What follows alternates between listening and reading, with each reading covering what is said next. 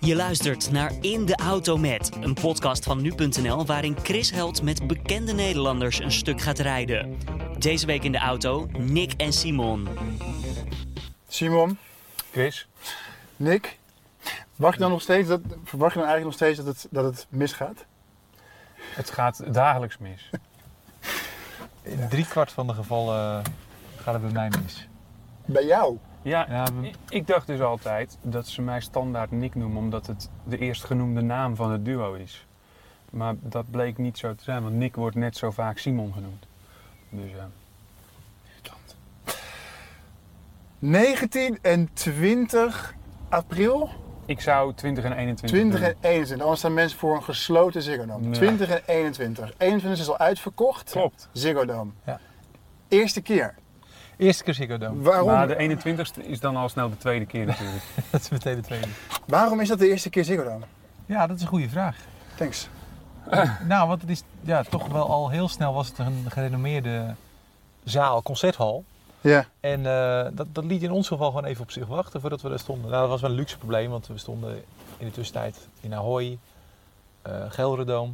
Ehm, en deze, daar, hier waren we nog niet aan toegekomen. Maar ook wel fijn dat je iets voor de eerste keer kan doen. Wat betekent niet aan toegekomen? Wel gevraagd, maar gewoon nooit... nou ja, eh, wij hebben een x aantal jaren een, een, een kersttraditie willen opbouwen. We hadden Ja. ook al- altijd in Ahoy, dat was gewoon dat, dat was ge- geen eh, discussie, dat deden we in Ahoy. Dus dat was ons grote evenement jaarlijks. Dus, dus Ziggo was, kwam gewoon niet in ons plan voor. En toen zijn we er vorig jaar uitgestapt uit die kersttraditie, omdat we een, een, langdurige theatershow hadden. Toen dachten we, oké, als we nu weer terugkomen met iets groots, waarom niet een keertje Ziggo dan? Jullie krijgen heel vaak de vraag, hoe hou je het zo lang samen vol? En jullie antwoorden dan net zo vaak Geld. geld.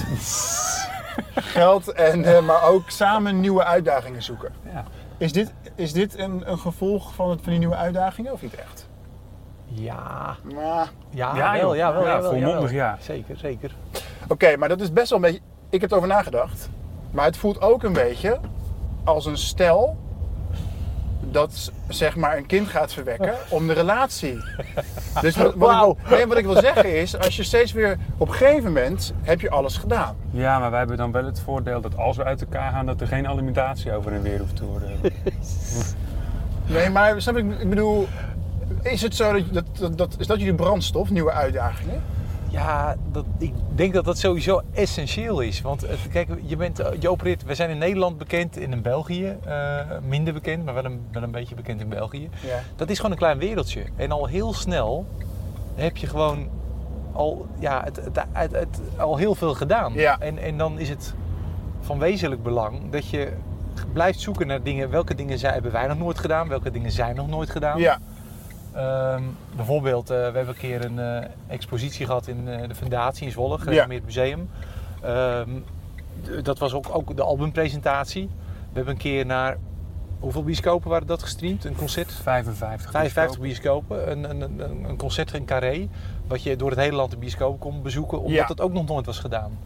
Ja, dat is natuurlijk wel, elke keer triggert dat wel. Eh, een single die het Guinness Book of Records heeft gehaald, omdat we hem 100 176 versies hadden uitgebracht. En, en dit was in ons geval iets wat wij nog nooit hadden gedaan. Maar dat is denk ik niet, dat, is, dat doen we niet om het tussen ons leuk te houden. Dus want dat dacht ik namelijk. nee, Nee, nee, nee, nee, nee, nee. Dat is gewoon om het om, om het überhaupt leuk te, Ja, te, te- ja. te blijven vinden. Ja, ja. Maar, gewoon, gewoon, maar, maar het, het samen eh, door het leven trekken, dat, dat voelt gewoon zo natuurlijk. En, en kijk, als wij solo ehm, plannen zouden hebben, Ja, wat, wat, wat, wat ik ook heb gedaan, Ja. in 2016 uitstapje. Ja. Maar als solo-artiest ben je, ben je een van de velen. Mhm, En als, als duo mhm. ben je een stuk unieker opeens. Mhm. En, en, en spring je misschien sneller in het oog of in het oor of Ja. zo. 2007. Kan ik wel zeggen, dat is het jaar geweest van die muzikale doorbraak. Ja. In, de- toch? Ja, dat, ja. In dat jaar zitten jullie in drie televisieprogramma's. Als je denkt dat het publiek jou min of meer wel denkt te kennen, weet hoe jij leeft, wat voor invloed heeft dat dan op de manier waarop jij jezelf in teksten en in de muziek weergeeft. In die zin valt er nog iets voor de, voor de luisteraar te ontfutselen over je persoonlijkheid. Oh ja, absoluut. Kijk, wij, wij hebben altijd hele innige banden gehad met de productiemaatschappijen die Ja. die, die programma's maakten. Dus wij hadden een laatste zeggenschap over in- hoeveel van ons werd getoond Ja. In ons dagelijks leven. En Altijd? ja, ja. En, eh, en dat moet ook, want dan, alleen dan vertrouw jij je cameramensen en Ja. zo. Ehm, en, en zo is er heel veel gewoon privé gebleven. Ondanks dat veel mensen denken dat wij altijd maar alles eh, in- de etalage hebben gezet. Nooit is er bij ons thuis gefilmd, om maar te beginnen. Nou Ja, waar Oh, nee? nee. Nee. Bij Jan was dat wel het geval, bij, bij ons nooit. Ik zou, ja, dit, dit is een mooie Oh, dit route, is, maar ik eh, zou... eh, ja. Wordt een kort ritje op Ja. deze manier. Ja. Hier is het graf, dus we zijn meteen bij het einde. Ja, dat was leuk. Hier is het- Begraafplaats. hier is het graf. Oh, dat heb je gewoon afgedongen van, yo. Ja, en, en, en dat, dat ging heel natuurlijk hoor. Dat was geen ijs of zo. Dat was gewoon een, een hele natuurlijke verstandhouding. Maar wat ik probeer te zeggen, ook, ook, we hebben ook afgelopen tijd heel veel gevlogd. Ja. En, dan, en dan wordt er ook steeds gezegd, zo, je laat echt heel veel zien. En dan denk ik, je moest dus weten joh. We, we, willen, we houden zoveel voor onszelf. Dus vanaf, eh, eh, eh, wat betreft onze persoonlijkheden valt er, is er nog best veel... eh, En toch ben ik eerlijk, toen, ik, toen ik zag dat jij tijdens een concert- in Ahoy met het hele publiek, met die duizenden mensen daar, deelde van ik word vader, vroeg me wel af van waarom doet hij dat? Is dat zeg maar, komt het omdat zeg maar, je werk zo'n groot deel is geworden van je eigen privéleven? Of, omdat gewoon, zeg, of, of van je leven aan zich? Of wil je het gewoon feestelijk houden? Oh, dat is eigenlijk eh, misschien heel anders dan je zou denken. Maar eh, alleen onze ouders wisten het. Ja, Voor de rest niemand. ja. Ook Nick niet. Nee, weet ik. En, en wij zaten te bedenken, oké, je, wilt, je wilt het eh, op een gegeven moment tegen je vrienden en familie gaan vertellen. Dus we hadden een soort van schemaatje opgesteld. Langs wie gaan we dan eerst? Dan gaan we langs die en dan gaan we... Want we willen het, persoon, we willen het zelf, wel zelf vertellen.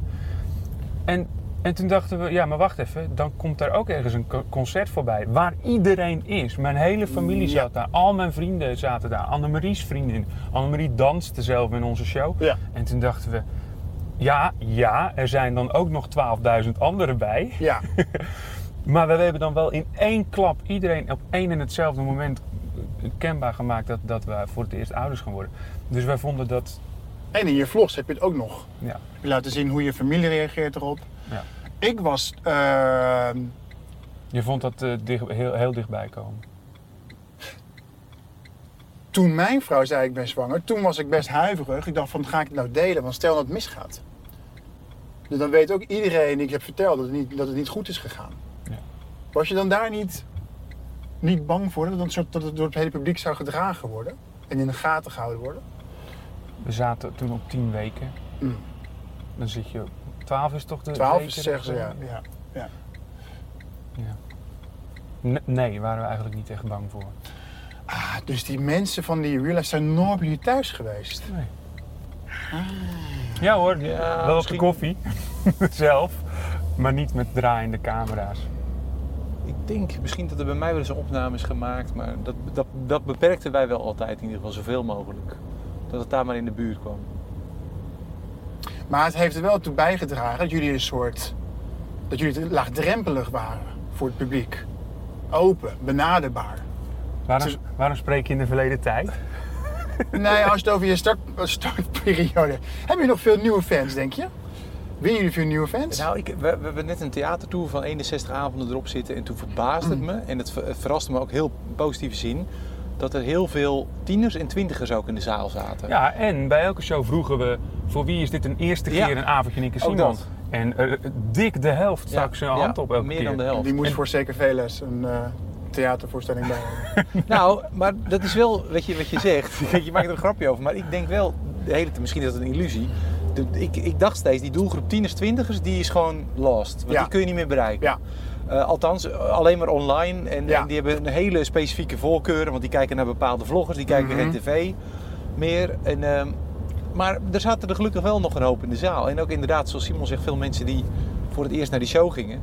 Ehm, dus dat, dat stemde me ook wel gerust. Ja. ja. Want zie je dat dan als doelgroep? Of ook een beetje als ja, dit is een heel kutwoord, maar als afzetmarkt. Dat je denkt, want je bent toch wel aan het toetsen steeds van Ja, hoe lang leven hebben we, zeg maar, ik- gewoon artiest zijn. ik probeer daar zelf altijd wel een beetje balans in te bewaren. Mhm. Dat je niet, weet je, echt als een merk en een product en een bedrijf het benadert. Kijk, wij maken muziek en we zetten zo'n tour eh, zo goed mogelijk in elkaar. Ja, Zoals eh, we, we doen gewoon in creatief opzicht ons best, ook eh, voor Ziggo Dome, om dat concert helemaal te laten kloppen.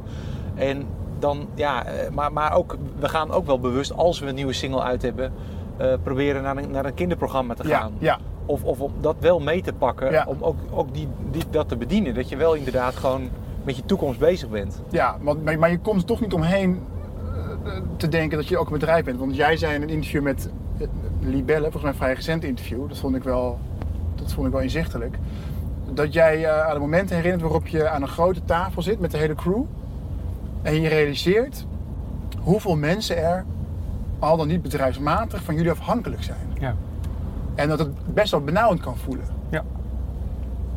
Jij hebt er geen moeite mee. Jij bent helemaal zen. Nou, Ni- niks maakt jou de, de pislauw gesnijd, toch? Is hij altijd relaxed? Eh, De grootmeester.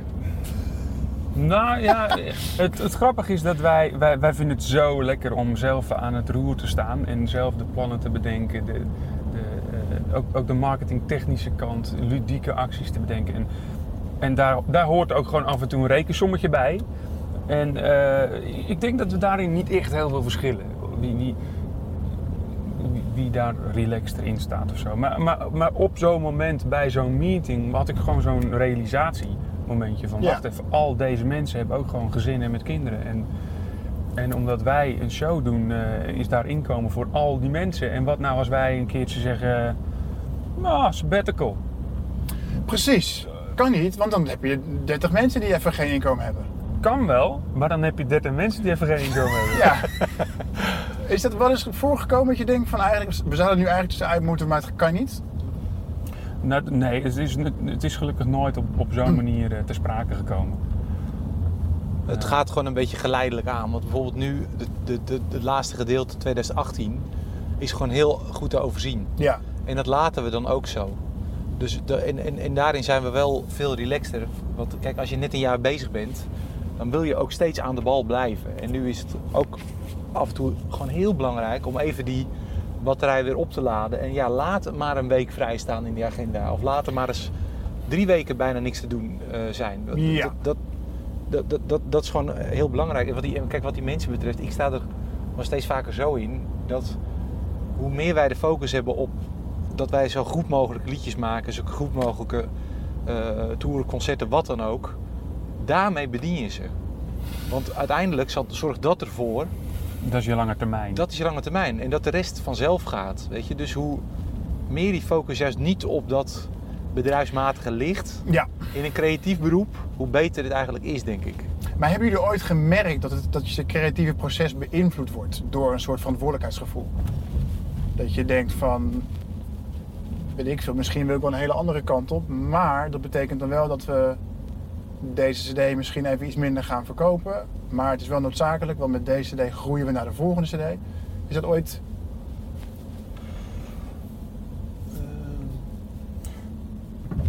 Nee, niet op die manier. Ik heb wel voorafgaand aan het album Aangenaam, hadden we een heel drukke periode. Het is vorig jaar verschenen. Ja. Ja. En eh, die, die, die moest, daar zat heel veel tijdsdruk op. En dat is uiteindelijk eh, met, met kunst en vliegenwerk meer dan goed gekomen. Dat Ja. ik echt zelf verbaasd was over, zo, dit is, een, eh, dit is een vette plaat. En misschien was die tijdsdruk zelfs wel nodig of zo, Ja. om, om jezelf ertoe te zetten. Maar die hebben we eigenlijk in drie, vier schrijfsessies of zo, Ja. blokken van drie dagen, Hm. hebben we een hele plaat gemaakt. Terwijl als je vooraf zegt, nou jongens, jullie krijgen, krijgen twee weken, 16 dagen, hele plaat schrijven, dan denk je, yeah right, dag. Maar dat, door alle drukte, door planningen, het, het, gewoon door, door, door een samenloop van omstandigheden liep dat zo. En, en achteraf bezien denk je, ja, je moet voor een plaat eigenlijk alle ruimte krij- krijgen voor je creativiteit. En dat ging daar een beetje mis. Het heeft toch niet zo'n weerslag gehad, vind ik, op, op, op wat we uiteindelijk hebben afgeleverd. Op die plaat staat ook het nummer Op de Levende. Drink, ik, Proost op de Proost, de doden. Proost op de doden? Ja. Nee, maar de titel is anders, toch? Proost op de doden. Oké. Daar zit een lijn in. Ik proost op de doden. Zij bewijzen dat ik leef. Mhm. Pees door het leven. De bezem door het leven dat me geen voldoening geeft. De bezem door het leven. Ja. Ja. De bezem door het leven. Dat vind ik zo textueel. Dat is bijna, zo'n bijna een soort metal-achtige, of een beetje zo, een hele harde context. Maar door de melodie raak ik het gewoon kwijt. Het komt niet bij me binnen. En dat vind ik zo jammer, want ik denk als zeg maar de melodieën, als die anders waren geweest, had ik vaak jullie geluisterd. En toen moest ik denken aan het nummer De Soldaat. Hetzelfde. Ik wilde, ik wilde nu ook de link leggen naar de soldaat. Ja, De Soldaat verscheen, een van jullie vroegste nummers. Misschien wel een van de eerste hits. Maar ook een hele heftige. Het origineel super heftig. Geschreven om de Nederlandse militairen in, in Oeruzgan een hart onder de riem te steken en hun, hun gezinnen. Jullie schrijven daar een supermooi, eh supermooie tekst. Die soldaat die eh, is ver van zijn meisje, ze missen elkaar, eh, maar ze zien dezelfde ster. Dat verbindt hen. Eh, die soldaat eh, raakt in een nederlaag, komt te overlijden eh, en, en zij zien nog steeds die ster. En, en, en die symboliseert zeg maar hun, hun, hun, hun, hun vroegere samen zijn. Die tekst werd herschreven. Op, hoe ging dat? Destijds had je een eh, zender, dat was een samenwerking tussen ehm, 3FM en Defensie volgens mij. Wereldomroep. En de Wereldomroep. Eh Oeruzgan FM. Hoe ze kan. Oeruzgan FM. En dat, en dat was via speciaal aangelegde lijnen alleen op de militaire basissen te horen. Ja. Leg ik het goed uit? Ja, ja, ja. Van, de, van de Nederlandse basis in Oeruzgan. Ja, En daar kwamen heel veel reacties binnen van mensen. 50% vond het heel mooi en het eerbetoon heel mooi. Maar de andere 50% vond het zeer verontrustend, die tekst. Dus of we daar niks aan konden doen. En toen hebben wij gezegd, ja, maar dan speciaal voor deze zender willen wij wel een ander einde schrijven. Ehm, dus, dus geef ons even de tijd. En dan komen we bij jullie terug. En dat wilden we ook eigenlijk ook als geste naar, naar FM en naar de soldaten en naar de thuisblijvers doen. ja. En dat liep nogal uit de klauwen daarna. Het is ook niet echt heel motiverend als je militair in zo'n IPR zit en dan niet. Is- is- op zich was er best wat voor te zeggen, ja. Maar toen dacht ik wel, misschien ligt daar wel, is dat in de kern wel, ja, niet het probleem wat ik met jullie heb, maar waarvan ik denk van, misschien doen die boys wel gewoon te veel concessies en misschien zouden ze zelf ook wel soms ruwer uit de hoek willen komen. Want proosten op de, op de, Op de doden? op de doden, met een iets andere melodie, heb je echt zo'n harde track dat mensen denken van, yo, ik ben er nooit benieuwd naar. Dat is zo vrolijk zo, Nou, kijk, wij hebben die liedjes wel. Ehm, zo- zo- zoals jij ze bedoelt. Eh, Maar dat, zijn, dat, dat blijven dan toch vaak albumstukken. mhm. In de zin van, die worden dan niet eruit geplukt door het, door het label en door management en ons eigen team. Van oké, hier gaan we een zo groot mogelijke massa mee Mm. bereiken. Met een single gok je toch op airplay. eh, vallen, we, vallen we binnen het kader van een Radio 2, Ja. een 100% NL. Dus daar worden dan keuzes in gemaakt. Maar, en, maar je hoopt dan dat het publiek door middel van die single bij je plaat terechtkomt. En dan ook die andere nummers ontdekt. Van oh, er- gaat best wat diepgang eh Nou, trouwens. zit er verborgen bij die gasten. Ja. Ja. Want gisteren, ik weet niet meer wat voor nummer het was, maar gisteren hoorde ik een nummer. En soms heb je een fase in je leven. Nou ja, laten we zien als je 20 bent. ehm, je gaat een beetje door een eh, nare tijd. Onzekerheid, wie ben je? Eh, misschien een paar tegenslagen. Ehm, je, dan opeens ontmoet, ontmoet je iemand. Het is nog niet echt dikke mik. Maar er gebeurt genoeg om je een soort fijn gevoel te geven. En een beetje te leunen of een beetje te durven te zwelgen in dat nare gevoel. Mhm. Snap je een beetje? Dus als je zeg maar muziek hebt, waardoor je mensen de moed geeft om eigenlijk gewoon een keer echt in die shit te zitten en dat gewoon, weet ik veel, gewoon zo'n catharsis, gewoon door te maken. Vind je het aantrekkelijk zulke muziek te maken? Of kies je dan liever voor om dat nummer te maken waardoor diegene zich weer... Ja, maar die, die, die liedjes hebben we echt. Die liedjes hebben we. En, maar dat, dat is ook, ik had laatst, nee niet, niet laatst, maar met Spike van Direct was dat geloof ik. Die zei iets soortgelijks. eh, van ja, waarom maken jullie nooit, nooit zo'n plaat? Ik zei, ja, die hebben we gemaakt. Ja, maar dan moet je Maar een single van- hele plaat? Nou, we hebben bijvoorbeeld eh, een nummer als Met Dank aan jou of Geluksmoment. Dat zijn echt stevigere nummers. Hmm. Eh, dat zijn singles geweest ook. En, dus ik liet het horen. Oh, ah, vet. Maar kijk, het, het lastige is dat je... Je hebt niet 100% controle over welke eh, nummers in welke kanten van jouw repertoire het best belicht worden. En Door in het begin, nou, door het publiek. Kijk, in het begin, Rosanne is dat in dat opzicht een vloek en een zegen Mm. geweest. Want het was wel de doorbraak en voor het, naar het grote publiek toe. En iedereen kent het. En het, is, het wordt gedragen door mensen. Het is heel geliefd. Ja, Maar daardoor word je wel heel lang in een bepaalde hoek natuurlijk Ja. weggezet. ja. Wat je indirect, dat is natuurlijk je eigen schuld. Maar dus het succes van het nummer, daar hebben we geen invloed op gehad. En hoe Nee. groot dat is hoe, hoe, en hoe zwaar dat nu weegt in, onze, eh, in, in, in de perceptie naar ons.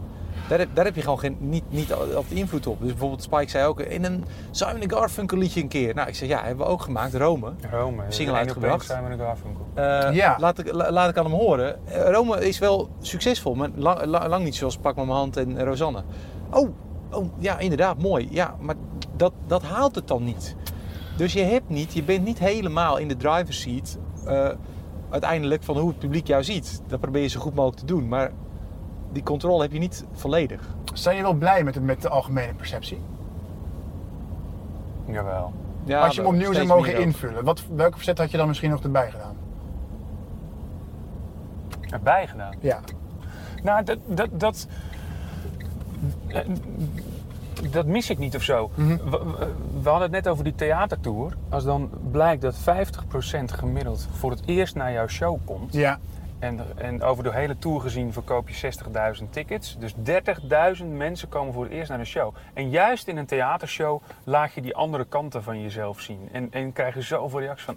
Oké, die had ik niet verwacht. Wat, wat mooi, wat, wat eh, interessant. Dus die, die bedienen we alsnog zelf wel. Maar, maar met een, ja, een soort van boomerang effect. Maar ik neem wel voor jou een extra elektrische gitaar mee naar Ziggo Dome. Ja, maar het is. ehm, Als ik mensen vertel, ik ga Nick en Simon interviewen. Die glimlachen. Ik ben zo- zenuwachtig. Dan, eh, het Rosanne-stempel of zo. Die boys hebben niks te verhullen. Daar zit ook helemaal geen donkere kant. Daar, is, daar zit geen. Ja, Snap je? Niet dat, het- niet dat het zeg maar Nee, wenselijk is. Natuurlijk zit dat er. Maar, Vertel eens. ja, precies. Ja, maar daar, gaan we. Kijk, ehm, wij zijn op zich ook wel weer slim genoeg te weten dat als ik nu ga vertellen over wat, dat- ik diep in de shit zit qua gevoel, weet ik veel, of dat er dit speelt of dit of dit, dan krijg je die de komende 50 interviews terug. Van hoe gaat het? eh, Ooit had ik in 2011, en mis- misschien doe ik nou weer, maak ik dezelfde fout. Maar tweede- Maak hem niet, je kan nu nog terug. Nee, in 2011 eh, was, ik, was ik gewoon overwerkt. Geen Ja. burn-out, maar gewoon overwerkt. Ja. We hadden Rosso zomer voorbij. Ik zat in een verhuizing. In, en, en ik kom in 2015 of 16 zeg ik dat eens een keer. Dus echt vijf jaar later zeg ik... Ja, 2011 was het even pittig. En toen kwam die drie keer terug. Ja. Dus, en dat, da- nou, daar leer je van. Dus, dus die donkere kant, we lossen onze eigen shit wel op, zelf, intern. Waarom zou je daarmee te koop moeten lopen? Nou, er is een verschil tussen te koop lopen en erover vertellen, omdat misschien je fans dat willen weten of willen, willen begrijpen. Misschien een soort gelijks hebben meegemaakt. Ja, nou ja, dat komt dan wel mondjesmaat terug in theatershows. Ja.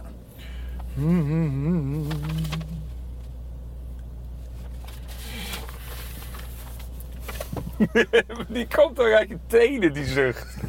Zeg van, oh, hoe, ga ik, hoe ga ik dit nou weer vragen? Nou, er zijn maar twee dingen waar ik over wil praten. Maar ik weet niet of jullie dat willen. Ik zou het gewoon proberen. Kom je snel genoeg achter? Want ten eerste is daar dan... ook over de industrieterrein, weet je. Ik heb zo'n zo gevoel dat we elk moment geliquideerd worden of zo. Nu ga je ook, nu ga je ook hele gevoelige onderwerpen aansnijden. Het is echt sinister aan het worden hier. Maar ga je gang. Maar jij zegt net dat, je, dat je misschien wel gematigd bent in het, in het uitventen of in het, in het eh, vertellen over persoonlijke dingen, dingen die je hebt meegemaakt. En dan denk ik bijvoorbeeld aan de cafébrand, Ja. waar het niet meer vaak over gaat. Dat klopt toch? Ja, Maar dat is, dan denk ik, is, het dan, is dat door jullie toedoen? Of is het zo omdat mensen denken van... In, in het begin wel. Want ik denk namelijk, ik, ik ben benieuwd. Kijk, soms als er iets ergs gebeurt, heb je daar direct een gevoel en een mening over. Een jaar later heb je die mening nog steeds, vijf jaar later ook. Na tien jaar kan het gebeuren dat je opeens bepaalde facetten ervan uit gaat lichten. Of dat je opeens dingen onthoudt waarvan je dacht van waarom onthoud ik nou precies dit? Mhm. Dat verwerkingsproces. Ja. Ehm, de- deels komt het eh, do- door onszelf dat we daar naar buiten toe wij er nooit over hebben gesproken. Wij waren 16, 17 Ja. toen, toen het ons overkwam. En we waren 21 toen we landelijk doorbraken. En het laatste wat wij wilden, wij wilden niet doorbreken als die twee jongens die ooit een heftige ramp hebben meegemaakt en, Ja. af- en medelijden kweken. Of over de rug van andere slachtoffers het gevoel geven dat we, dat Ja. we op die manier in de publiciteit wilden treden. Dus we, we hebben wel die eerste periode dat een beetje bewust afgehouden. En later is dat gewoon nooit meer te sprake gekomen. En grappig genoeg, onze laatste single Mum van Tijd, hebben we een documentaire gemaakt Ja. rondom die single. Ja. Ging over de klasgenoten uit die tijd. En- Mhm. en toen zijn we er wel een beetje op teruggekomen. Niet En- echt. Niet echt. Een beetje. Ik zei ook een beetje. Ja. Maar het, het is ook zo dat het 18 jaar geleden is, en Ja. bijna 19 jaar. Jawel, maar jullie hebben het vaak in je vlogs en in je nummers. Proost op het leven. We vieren het leven. We omhelzen het leven. En je denkt van ja, pff, jezus. En dan, maar je vergeet gewoon dat jullie best wel shit hebben meegemaakt. Mhm. Ja. Waardoor, dat, waardoor dat best legitiem is om te zeggen. Precies. Zonder dat het klef overkomt. Nee, ja. Weet je? Maar omdat er daar vaak, dat er niet zo vaak weer over wordt gepraat, dreig je te vergeten. En denk je van jezus, nou, ga je weer met vier het leven. Maar ja, maar goed, pak me mijn hand, kijk omhoog. eh, de dag dat alles beter is. En, ehm, even kijken hoor. De, ehm, dat, dat, dat zijn ook weer liedjes die juist heel erg van een, van een hele, ja, een, een, een- een zware en donkere situatie uitgaan. Ja. Dus die zijn er ook. Maar wat is precies je vraag? Mijn vraag is, het is nu, Of- hoe lang is het nou? Hoe lang is het nou? 18 jaar? 18 jaar. Ja? Zijn er dingen die je ervan herinnert van je denkt van waarom herinner ik me nou dit? Of zijn er nieuwe inzichten, in, inzichten die je hebt verkregen over, dat, over, die, over die avond? In mijn geval, sorry dat ik Nee, eerst even pak. ehm, dat, voor mijn gevoel heeft dat allemaal een plek. Oké, Ehm, een vriendin van mijn vrouw, Mhm. die eh, was daar ook aanwezig. En die is denk ik voor 80% eh lijfelijk verbrand. Mhm. En die zei laatst, eh, was er een vriendinnenaangelegenheid en zij moest cancelen, want ze had weer een operatie. En, en, en, en die teller stond op de 52ste operatie. Na, en toen dacht ik, zo, dat, dat boek wat voor mij al lang eigenlijk gesloten is en op de plank ligt, dat heeft voor zoveel mensen nog... dus de, die, dat besef kwam wel laatst, de afgelopen jaar, van zo, dat is... eh, en, en, en om nog maar te zwijgen over natuurlijk de mensen die, die naast hebben verloren. Ja. Dat, dat, dat blijft Ja. altijd natuurlijk eh denk je dan ik heb mazzel gehad?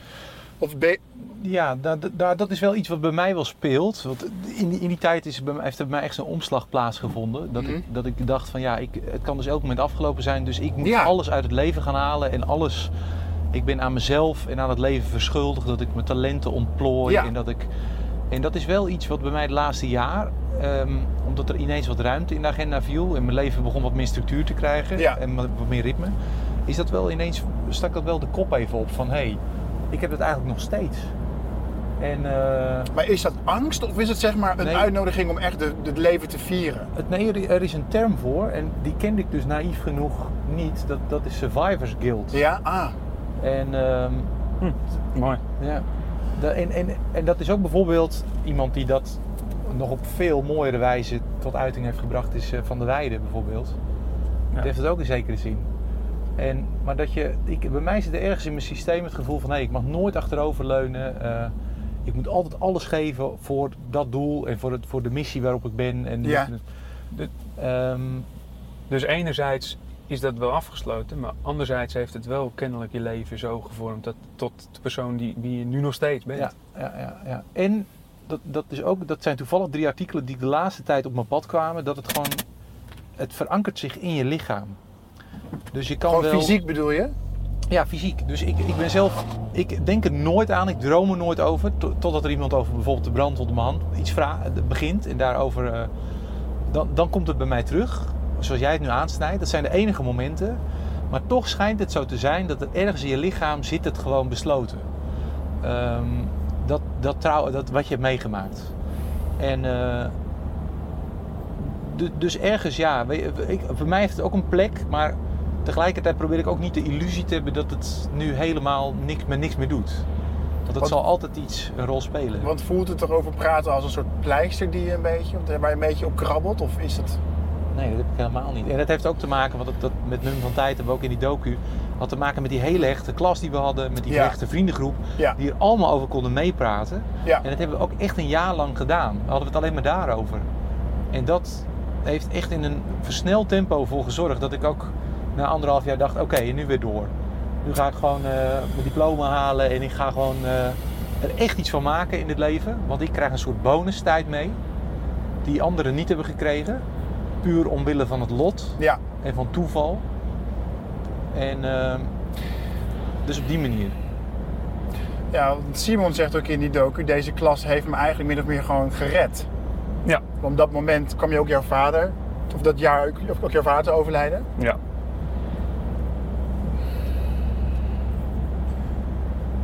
Ja, al, al- alles, alles buiten schooltijd om. Ehm, Ja, wacht even. Ik vind niet dat je nu, eh, ik ben niet tevreden met hoe dit eh, nu gaat. Want wat ik nu eigenlijk doe, is ik zeg nu gewoon van, jouw vader kwam toen te overlijden. Jij wacht dan eventjes en voelt je dan zo van, oké, kennelijk wil hij dus nu dat ik daarover ga praten. klopt. ik ben nog niet helemaal achter waar, wat ik nou wil weten. En, en ik heb het al voorbereid. Maar als je dan leest dat zeg maar, dat jaar ook het jaar was waarin jullie elkaar eigenlijk min of meer voor het eerst echt vrienden worden, echt hechte vrienden. En dan bedenkt van dus de dood van je vader en ook die brand staat eigenlijk aan de basis van jullie vriendschap. In die zin is het een soort startpunt. Ik denk weinig mensen delen zulke traumatische ervaringen. Weinig vriendschappen. En is dat dan ook. Geef je dat ook, zeg maar ook. Verplicht dat je ook om voor altijd vrienden te blijven? Omdat je het hebt meegemaakt, omdat je er toen voor elkaar was. Nee. Plichten? Ja. Nee. Dat niet. Nee, want ik heb, ik heb wat vriendschappen uit die tijd die, eh, die ook hierdoor zo ontzettend hecht waren. En waarbij we elkaar gewoon eh, overeind hielden.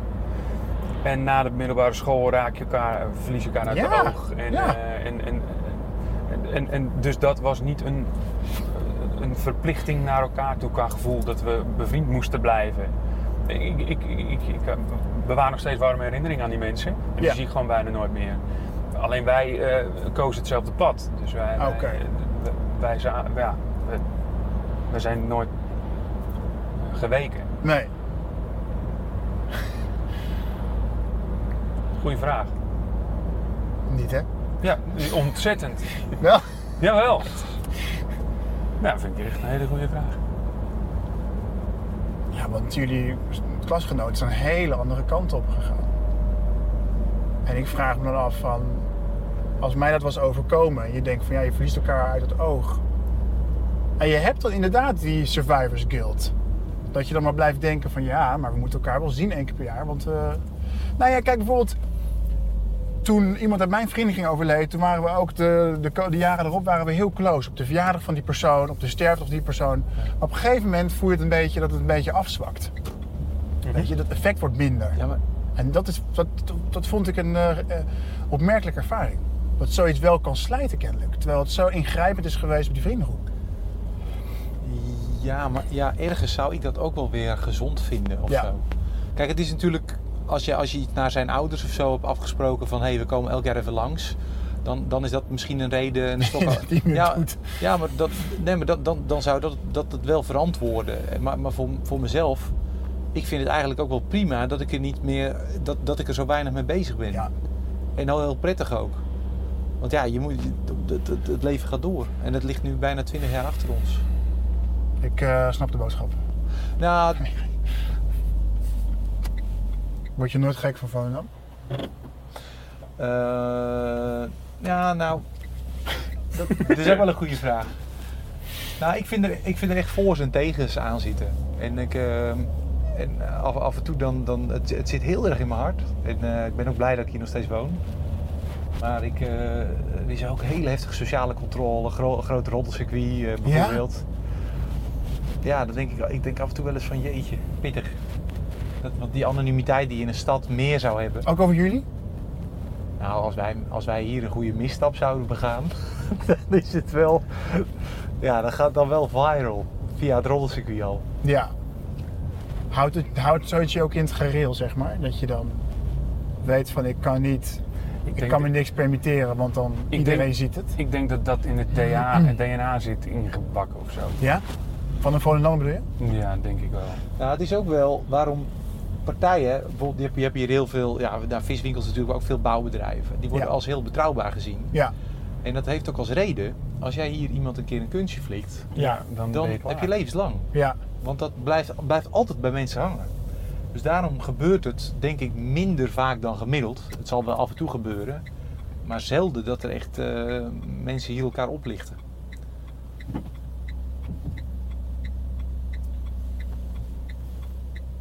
Ja, dus het is grappig. Jij hebt voorrang. Oh ja? Ja, maar Ja. dat is hier een ongeschreven regel. Dus dat ze, ja, maar dat ze gewoon op een zebrapad met de fiets en brommers eh, voor hun pakken. Dat is In- ook een beetje ons kent ons. Ja. Nee, dat snap ik wel.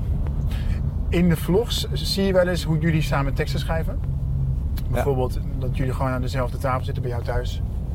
En dat Nick dan zegt van ja, maar dit woord vind ik niet zo goed. Wat je van dit woord? En jij zegt van ja, oké, maar is goed, dan kunnen we het wel doen. Ook in een documentaire eh, van de totstandkoming van Mum van Tijd eh, zie je enkele stukken die gaan over het schrijfproces en het totstandkomen van het nummer. En wat ik dan zo grappig vind, dat na 12,5 jaar gebeurt nog steeds dat Nick zoiets kan hebben van ik ga nu bellen, want ik wil deze hele zangpartij wordt weggeflikt en ik ga hem opnieuw doen. Of dat jij zeg maar één woordje verkeerd hebt ingezongen en denkt van oh, ik luister nu de zesde master en eigenlijk moet het gewoon opnieuw, want dit woord klopt gewoon niet. Mhm. Dat vond ik opmerkelijk dat je dat na 12,5 jaar nog steeds hebt. Hoe komt dat? Waarom heb je niet gewoon een beetje meer scheid en denk van ja oké. Oh, bij mij wordt dat steeds erger eigenlijk. Ja? Ja, omdat je, je wordt, je weet, steeds meer word ik mezelf bewust dat, ja, pain is temporary, pride is forever. Dat je al Hoppa. Nou, maar al, dat is een cliché. Maar het is zo waar als het gaat om muziek en om een opname van iets. Van in het begin Ja. waren wij heel onbevangen. Ook als het ging om opnames. Dan ja, maar dit is ehm, lekker vanuit mijn gevoel gezongen. En, eh, dus eh, ja, dit is wel zoals het moet zijn. Ja. Want het moet ook niet doodgerepeteerd. En, Ja. eh, ja, maar ja, dan hoor je dingen terug. Als je de eerste twee albums, als wij dat terug horen, horen we dingen. Die heb ik sowieso allebei verkouden ingezongen. Mhm. daar, had ik, daar durfde ik toen niet. Ja, die, die studiotijd stond geboekt. Boeien, zing maar in.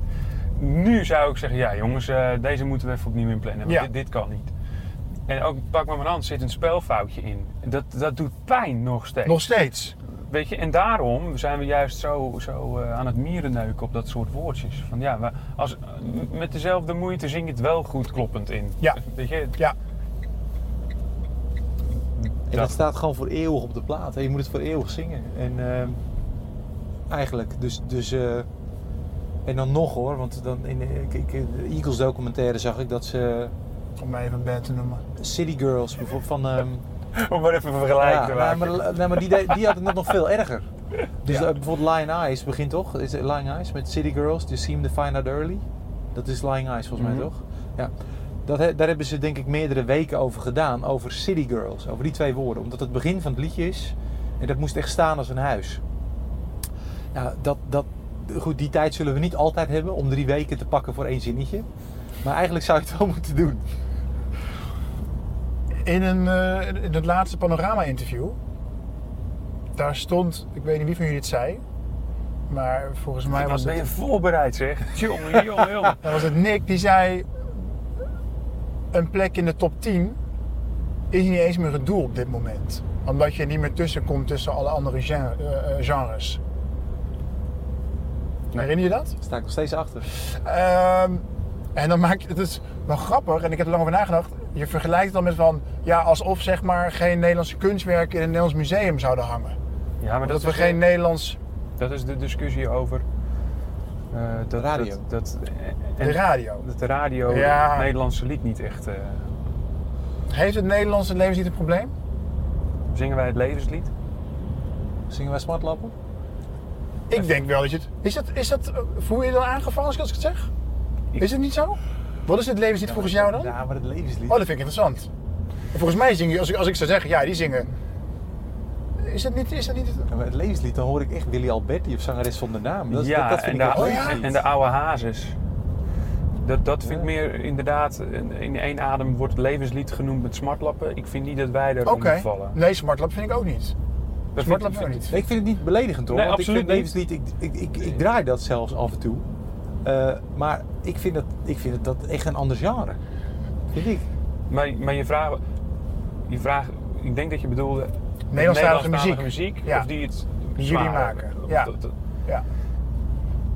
Nee, vooropgesteld, wij mogen niet klagen.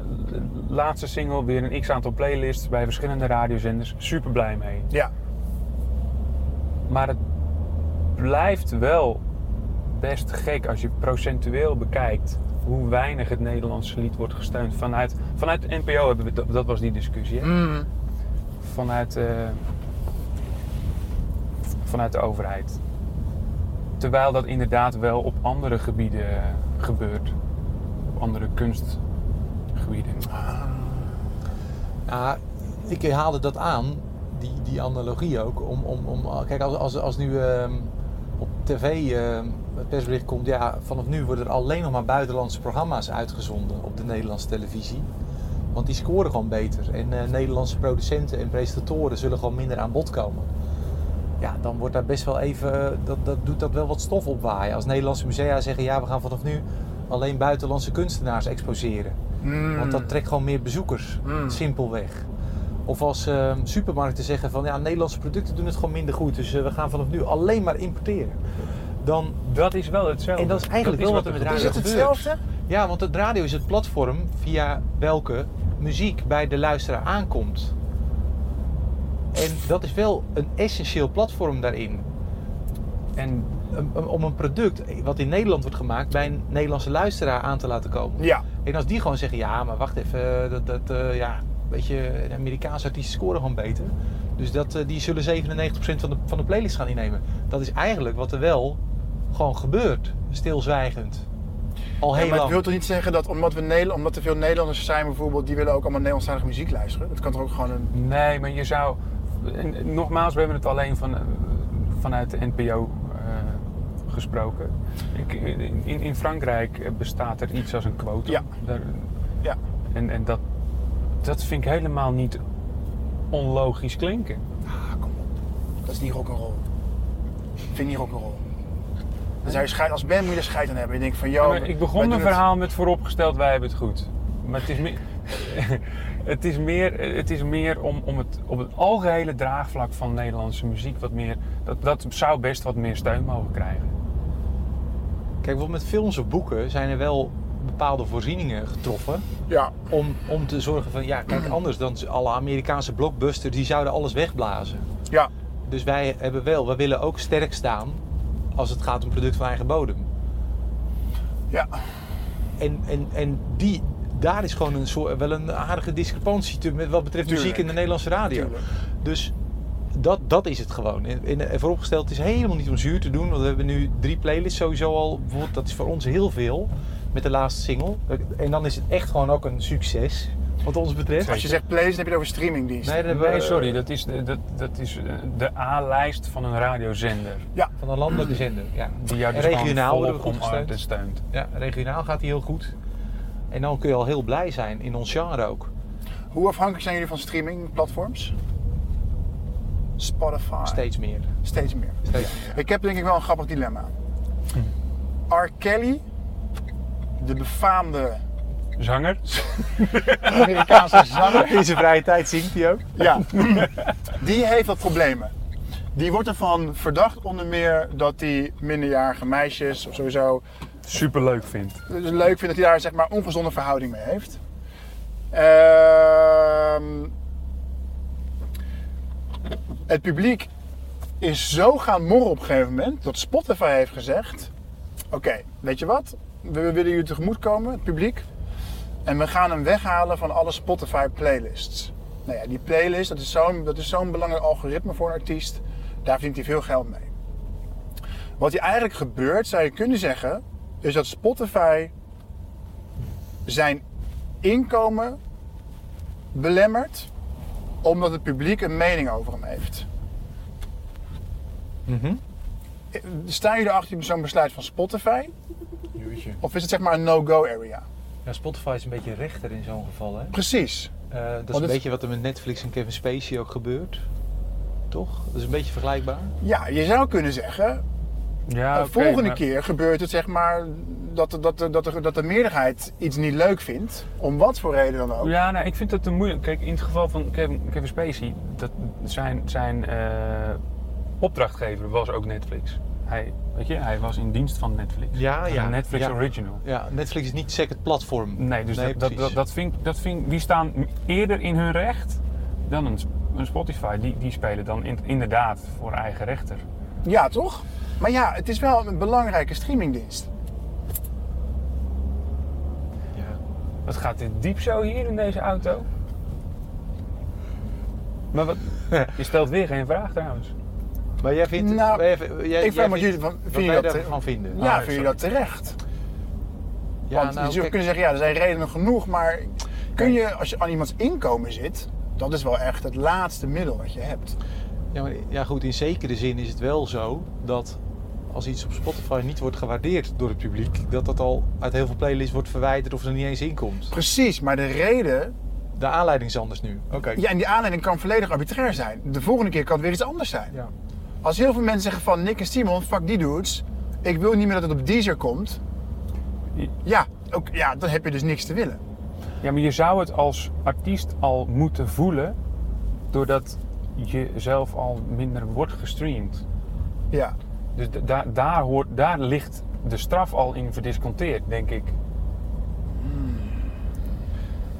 Toch? Het, het- het- Ja. het publiek in zijn geheel, als ze allemaal zich afzetten tegen de artiest, dat kunnen ze, kunnen ze op één manier doen. Niet meer luisteren, niet meer streamen. En, Ja. da- en dat voelt die artiest in zijn inkomen.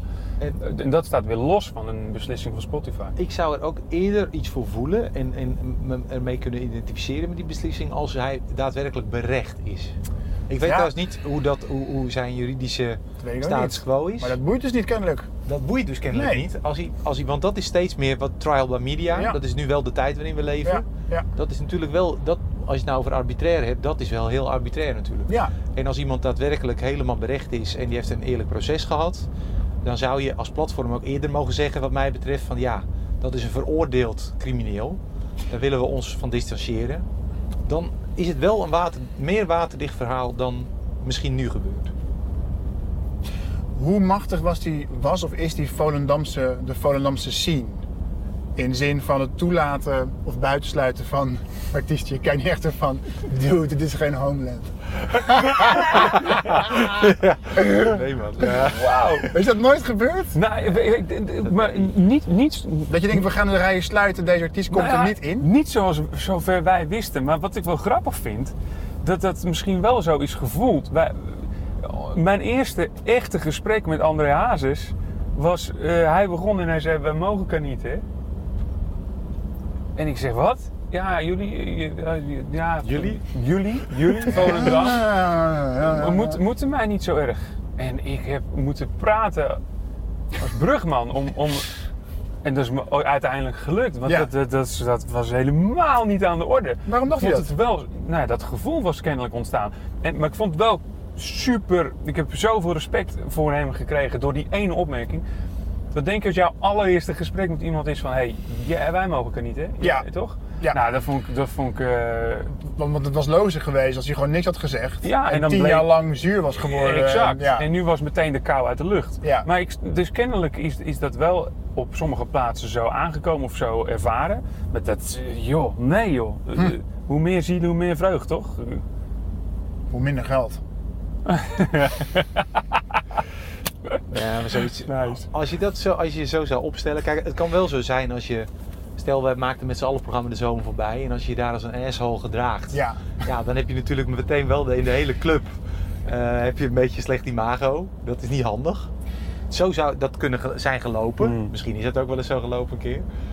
Maar als je echt zo echt de rijen zou sluiten, ja, dan gaat het zich ook tegen je keren. ja, dan speel je op een gegeven moment voor dezelfde 300 man steeds.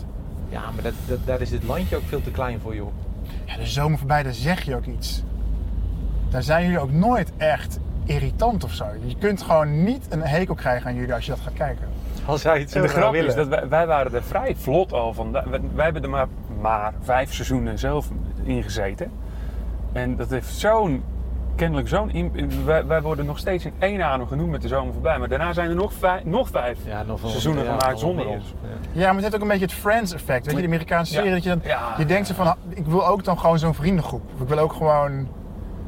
Ja, het- maar dat dat, het was, zo dat was klikt ook of zo, fantastisch was dat. Ik, eh, Trouwens, ik heb Kees Tol gisteren een sms gestuurd of ik iets over jullie mocht eh, vragen. Hij heeft niet gereageerd. Wat? Dus, gelukkig. Of, of, of, nou, ik wilde met hem iets gewoon... Of je een beetje smeuig invalt. eh, nou, gewoon een soort voorgesprek-achtig. ah, oké. En dat doet hij dan dus niet. Ja, of hij denkt van, ik ga niet ja zeggen, maar als je me belt, dan zie ik het wel. Ik weet niet. Ja, dat is typisch Kees. hè? Ja?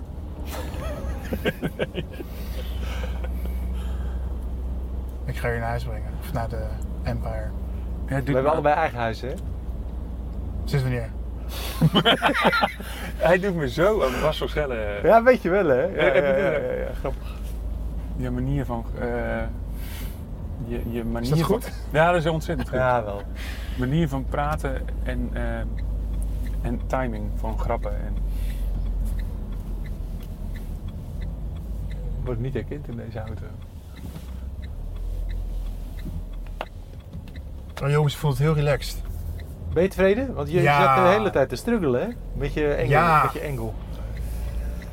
Ja, want je weet dus gewoon niet hoe meegaand mensen zullen zijn.